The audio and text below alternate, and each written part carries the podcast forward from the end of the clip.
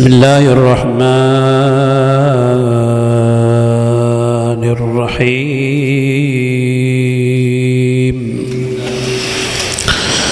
صلى الله عليك يا سيدي ويا مولاي يا رسول الله.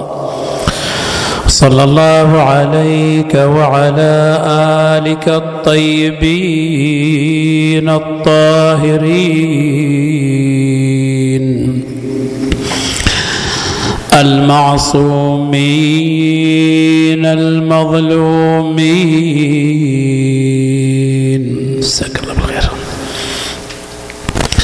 صلى الله عليك يا سيدي ويا مولاي. يا أبا عبد الله يا غريب يا مظلوم كربلاء. سيدي ليتنا كنا معكم. فنفوز فوزا عظيما. جاء في خطبة النبي صلى الله عليه وآله وسلم.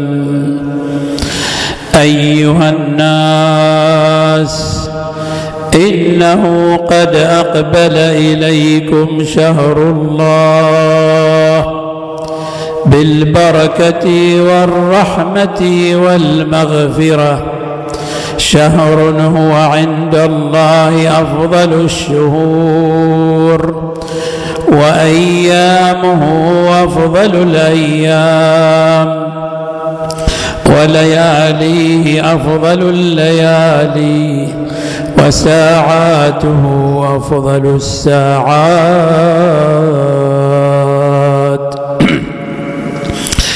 الحديث سوف يكون في هذه الجزئية المرتبطة بالرحمة. إنه قد أقبل إليكم شهر الله بالبركة والرحمة حول الرحمة الإلهية. شنو المقصود من الرحمة. نسمع رحمة شنو المقصود بها؟ وثانيا شنو الرحمة الإلهية؟ إيش المقصود بها؟ بعد ذلك نأتي إلى تقسيم للرحمة الإلهية.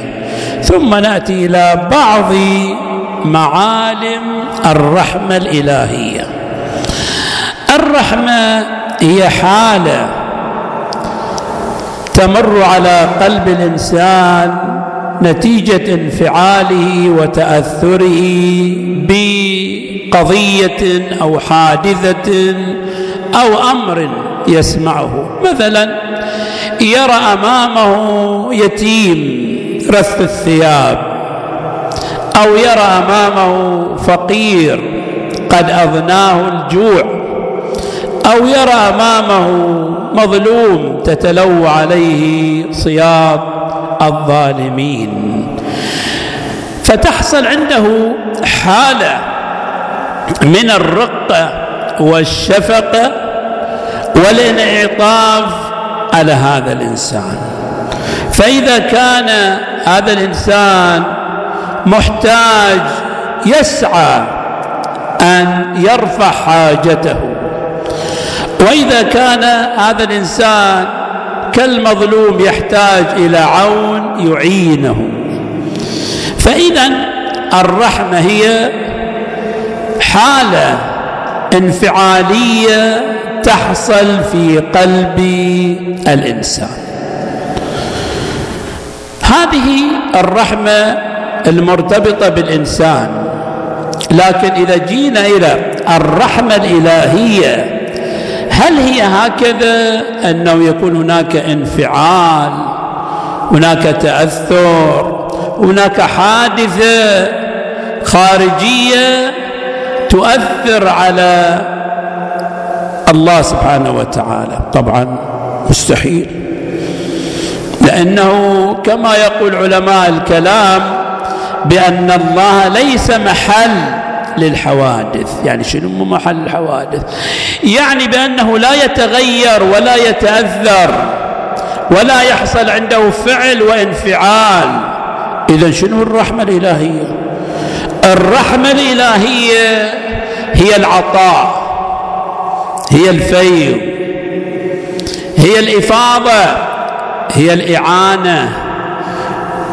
الله سبحانه وتعالى عندما يرى إنسان محتاج يعطيه عندما يرى إنسان مظلوم يعينه لا أنه تحصل عند الله سبحانه وتعالى حالة انفعال. ولذا يقولون هنا خذ بالغايات واترك المبادئ. شلون؟ لأن الرحمة لها مبدأ ولها منتهى. شنو مبدأها؟ مبدأها الانفعال. إني والله ينكسر قلبي على يتيم أو على فقير أو على مظلوم. هذا مبدأها. منتهاها شنو؟ إني أحاول أرفع النقص أرفع الحاجة أعينه. فلذا خذ بالغايات يعني في الرحمة في جانب الله خذ بالغايات لأن الغاية عند الإنسان إذا حصل المبدأ وهو الانفعال أنه يعين ويساعد. فالله مباشرة يعين ويساعد ليس فيه انفعال. ليش؟ السبب. لأنه الإنسان عندما نأتي إليه مركب مركب من أجزاء متعددة. مركب من أعصاب من مشاعر من آه، مركب من عينين من لسان من مركب من أجزاء متعددة كثيرة. وطبيعه المركب أنه يحتاج إلى اجزائه مثل البيت الآن. مثل البيت الآن. البيت يعتبر مركب من أرض وجدران وسقف وأبواب. فالبيت متقوم. يعني لو نشوف بيت ما له باب نقول هذا بيت هذا هذا مو بيت له. صح لو ولا بتعبير له؟ زين؟ فنقول هذا مو بيت فالبيت متقوم بكل أجزائه. ليش؟ لأنه مركب. فلذا البيت يحتاج إلى الأرض وإلى السقف وإلى الجدار وإلى النافذة وإلى الأسلاك الكهربائية وإلى المصباح. يحتاج البيت وجوده متوقف على هذه الأشياء. الله سبحانه وتعالى هل هو مركب من أجزاء؟ لا ليس وجوده وجود صرف ليس مركب من أجزاء. فلذا لا يحتاج ليس فيه فقر ليس فيه فقر واحتياج. فالله سبحانه وتعالى وجوده يختلف عن وجودنا. ولذا من الخطأ أننا دائما شنو؟ نقيس أمورنا حياتنا احتياجاتنا على الله سبحانه بل حتى على المعصوم حتى على المعصوم. الذي هو عبد من عبيد الله فيحتاج القضية إلى أنه الإنسان يتجرد عن هذه الأشياء. هذه هي الرحمة الإلهية. إذا الرحمة الإلهية هي العطاء والإفاضة والإمداد والعون من قبل الله سبحانه وتعالى إذا رأى محتاج. تقسم الرحمة الإلهية إلى قسمين. الرحمة الرحمانية والرحمة الرحيمية. شنو الرحمة الرحمانية وشنو الرحمة الرحيمية؟ القرآن يقول بسم الله الرحمن الرحيم. فالرحمن هي الرحمة الرحيمية هي الرحمة العامة. والرحيم هي الرحمة الخاصة. شلون؟ الرحمة الرحمانية يعني هذه الله سبحانه وتعالى جعلها لكل موجود للسماوات للأراضين للإنسان المؤمن الإنسان الكافر كلا نمد هؤلاء وهؤلاء من عطاء ربك. وما كان عطاء ربك محظورا. عطاء الله مفتوح للكل. للكل. الكافر وهو يعصي الله الله سبحانه وتعالى يعطيه كل ما يحتاج إليه في حياته. شنو يحتاج؟ يحتاج إلى غذاء يعطيه. يحتاج إلى شراب يعطيه. يحتاج إلى صحة يعطيه. يحتاج إلى ذرية. كل شيء يعطيه. لا يمنع عنه شيء. يقولون نبي الله إبراهيم يوم من الأيام نزل عليه ضيف. نزل ضيف. جابوا المائدة حطها. نبي الله إبراهيم قال بسم الله الرحمن الرحيم. ينتظر الضيف يقول بسم الله الرحمن الرحيم. ما قال بسم الله الرحمن الرحيم. قال لا نبي الله إبراهيم ليش ما تقول بسم الله الرحمن الرحيم؟ قال لا أنا أصلا ما أقر بوجود الله. ما أقر بوجود الله. قال لا إذا أنا ما أجالسك. ما أجالسك. واحد ما يقر بوجود الله. وإحنا جالسين على نعمة الله. أنا ما أجالسك. قام هذا الضيف شال نفسه وطلع. زعلان. الله أوحى إلى نبي الله إبراهيم. قال له يا إبراهيم أنت لم تحتمل ضيفك. هذا ضيف. ما احتملته يوم أو ساعة. أنا منذ خلقته.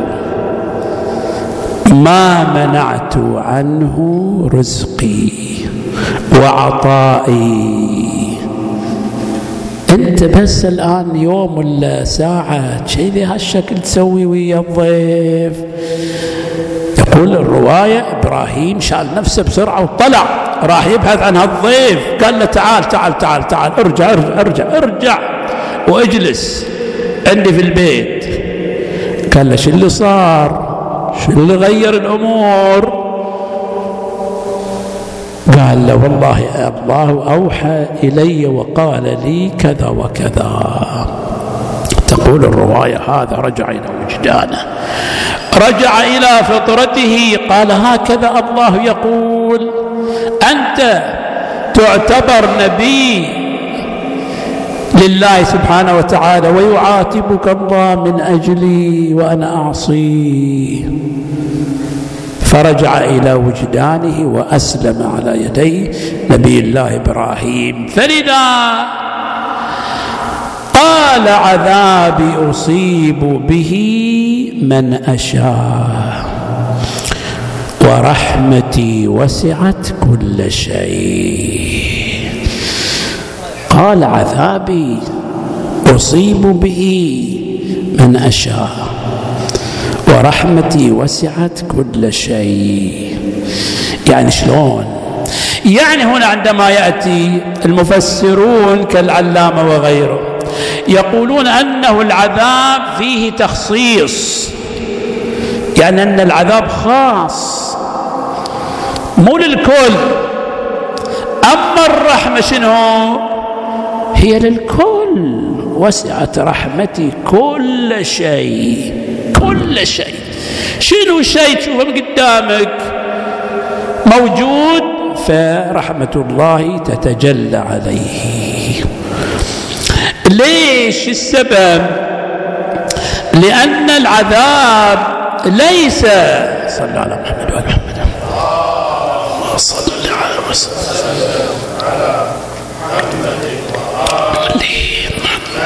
لأن العذاب ليس مطلب إلهي مو الله يريد العذاب.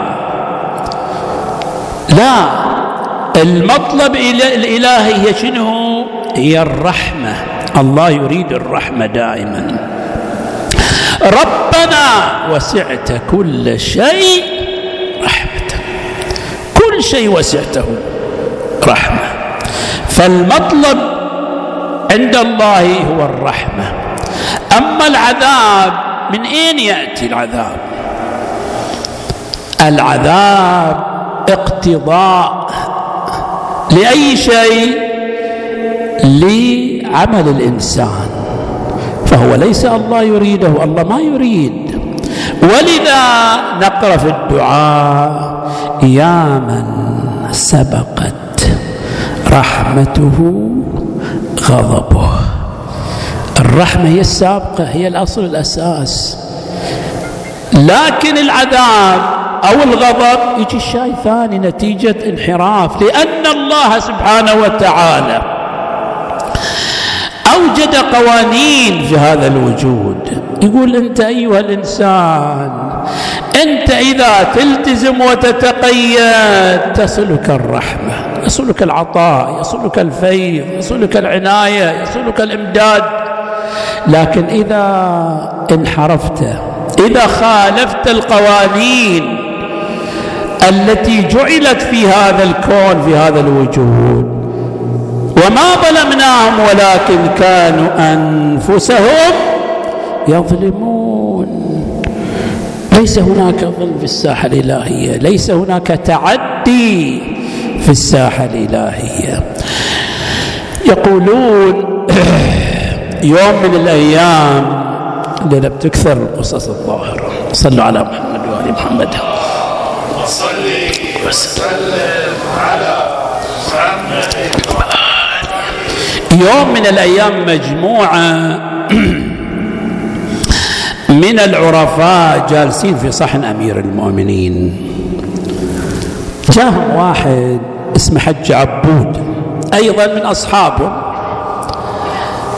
من شاكلتهم فقال له حج عبود ما وراءك.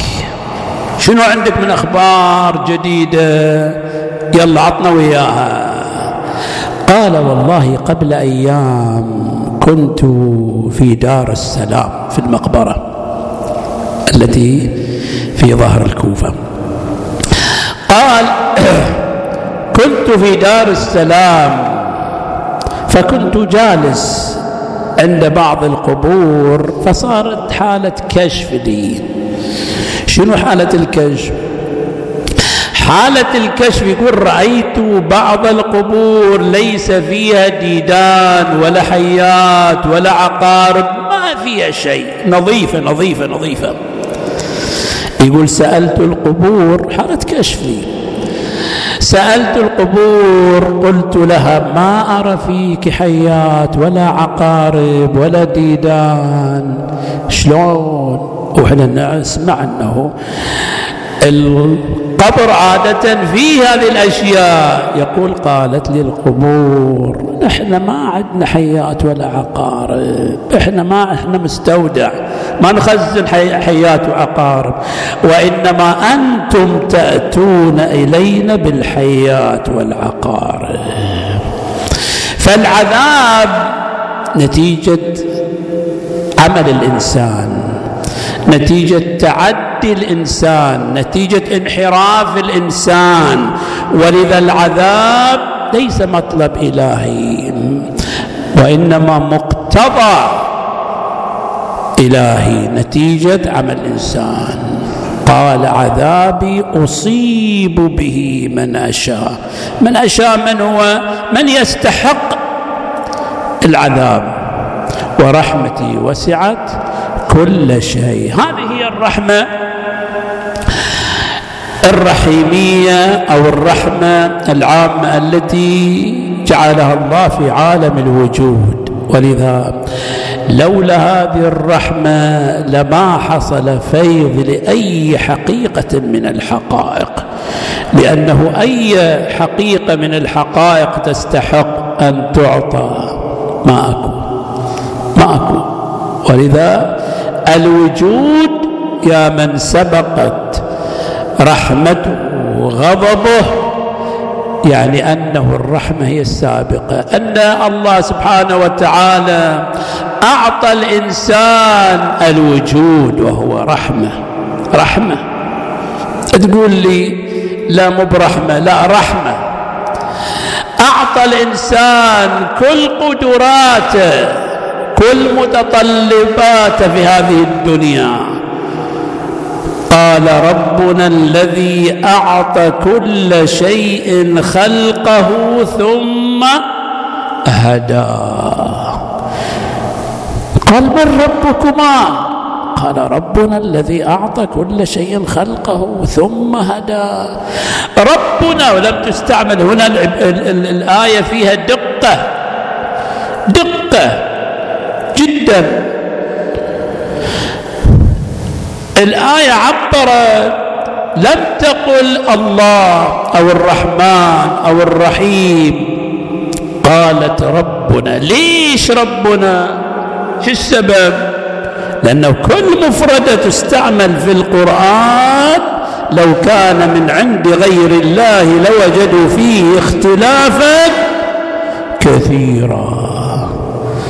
لكن بما أن القرآن من الله لن تجد فيه اختلاف. مستحيل. فقال ربنا الرب هو الذي يعطي المتربي كل ما يحتاج إليه في وجوده وفي مسيرة وجوده.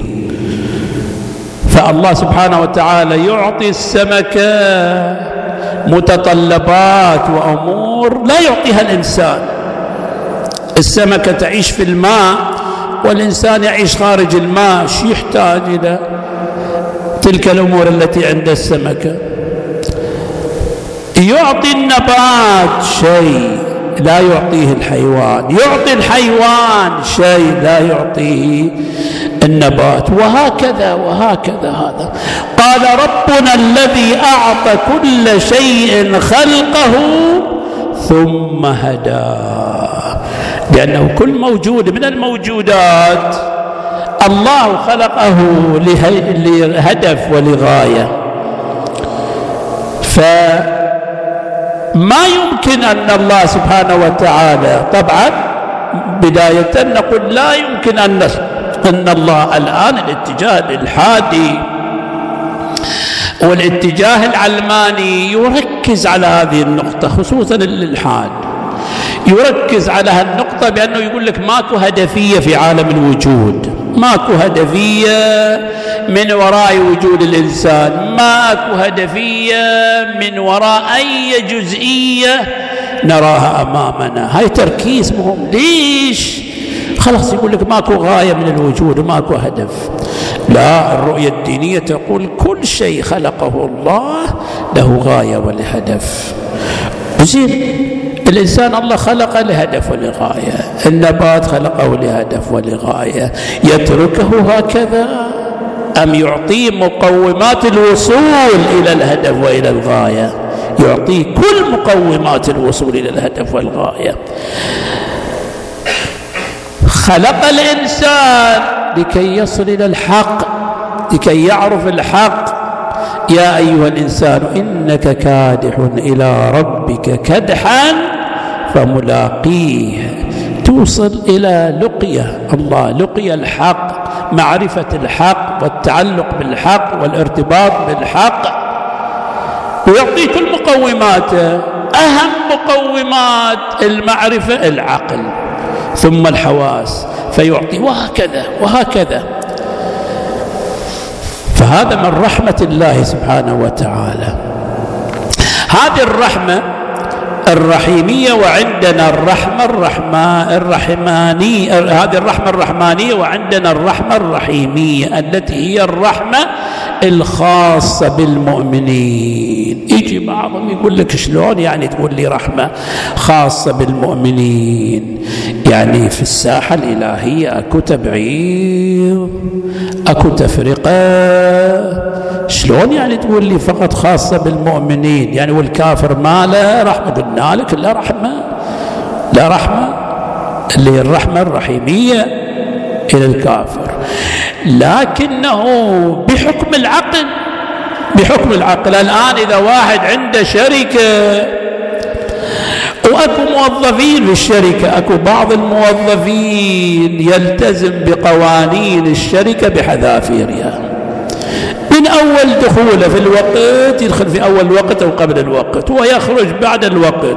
وأثناء العمل يلتزم بكل قوانين الشركة.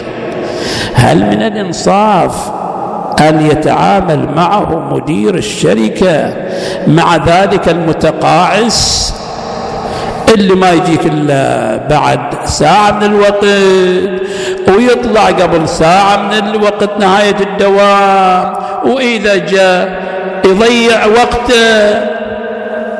هذا هل هو من الإنصاف أن يعطيه أن مثل ما يقولون نساويه يصير مساواة هنا. لا أحيانا المساواة فيها ظلم.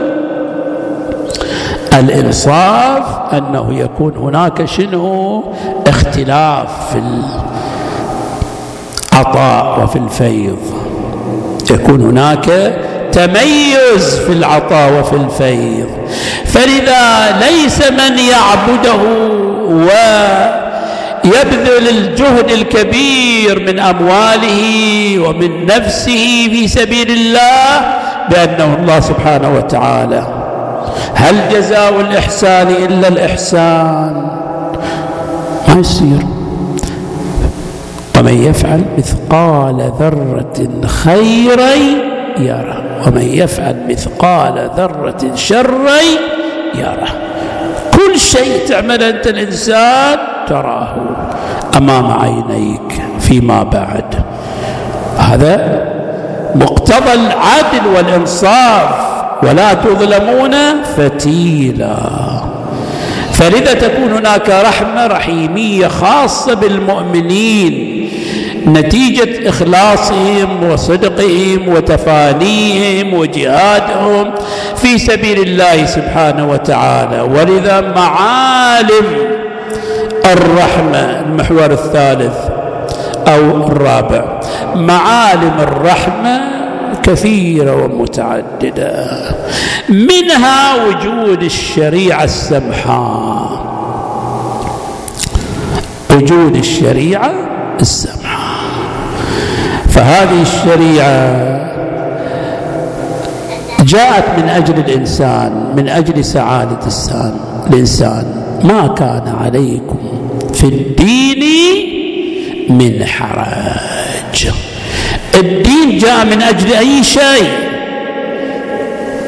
جاء من أجل الإنسان. شنو يريد من الإنسان؟ يريد الإنسان يكون سعيد. يريد الإنسان أن يكون مرتاح يريد الإنسان أن يعيش في أمن وأمان يريد الإنسان أن يكون تواق إلى الكمال في كل أبعاد الكمال.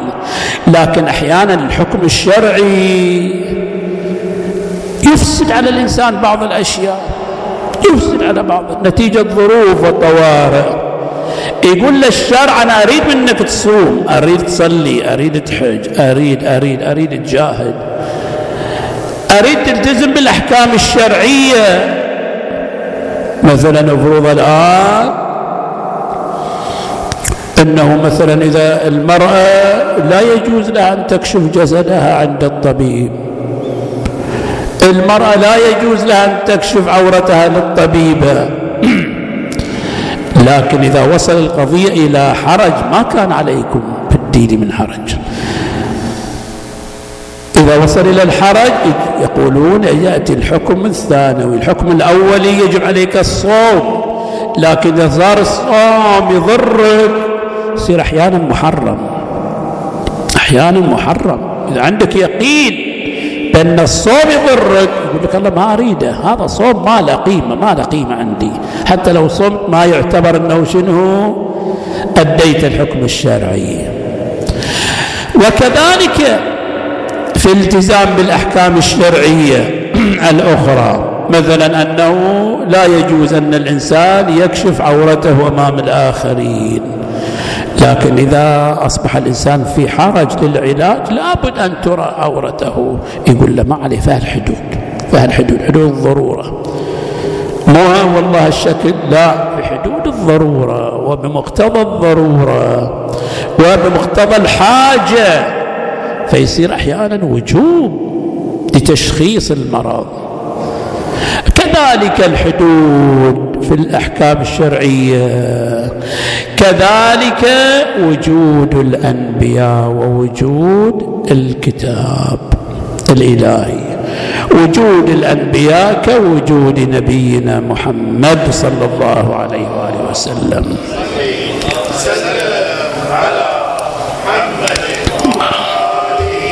كما قال القرآن وما أرسلناك إلا رحمة للعالمين. عجيبة هذه الآية.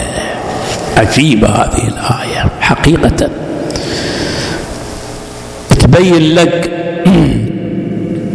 مقام رسول الله صلى الله عليه وآله وسلم.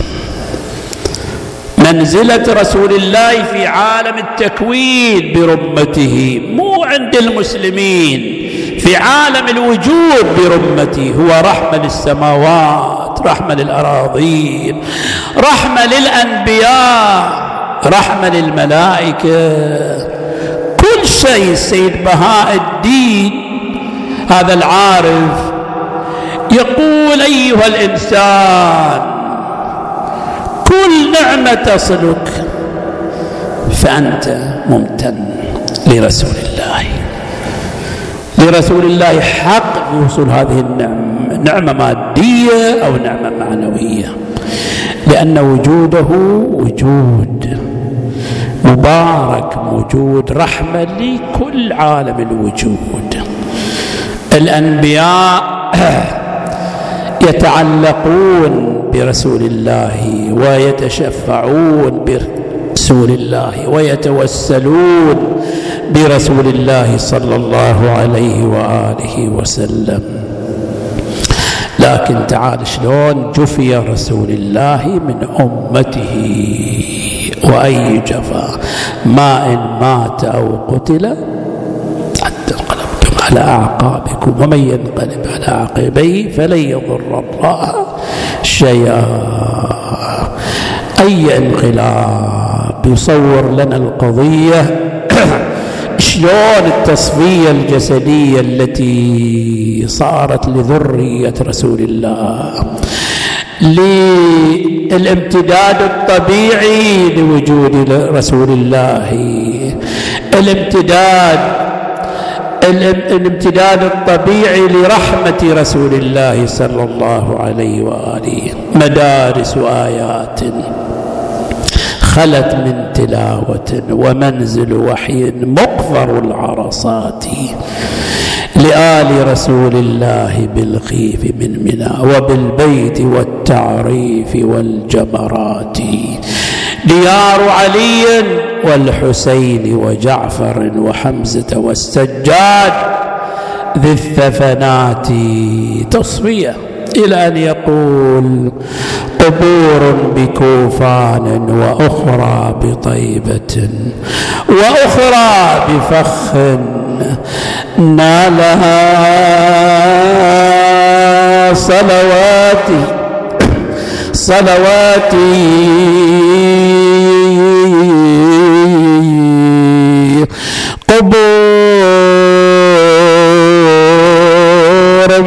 بجنب النهر من أرض كربلاء. معرس فيها بشاط فرات. آتي أفاطم لو خلت الحسين مجدلا. وقد مات عطشانا بشاط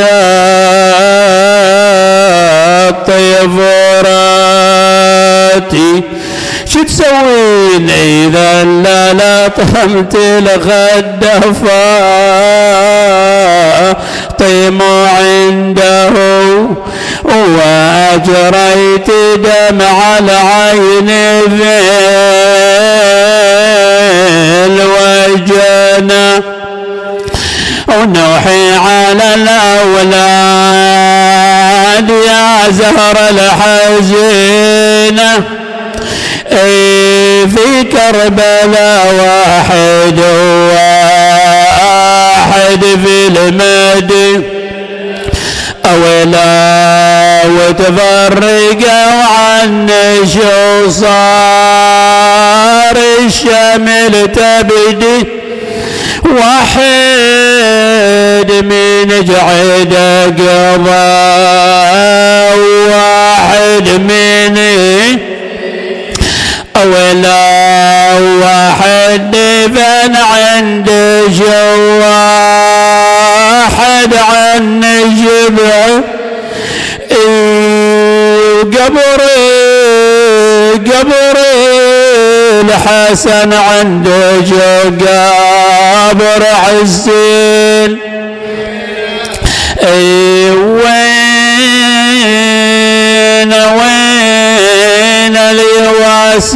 بدمعته بدمعته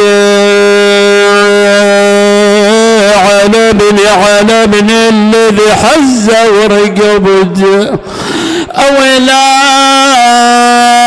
ولا يا ابن الما حضرت. والله ما حضرت. ولا غسلت جسمه ولا دفنت ولا ما حضر غسلت جسمه وما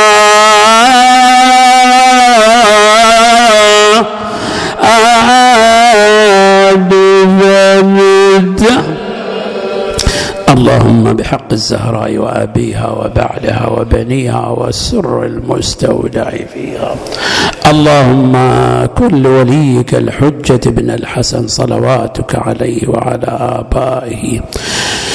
في هذه الساعة وفي كل ساعة وليا وحافظا وقائدا وناصرا ودليلا وعينا حتى تسكنه أرضك طوعا وتمتعه فيها طويلا. اللهم ارزقنا توفيق الطاعة وبعد المعصية وصدق النية وعرفان الحرمة.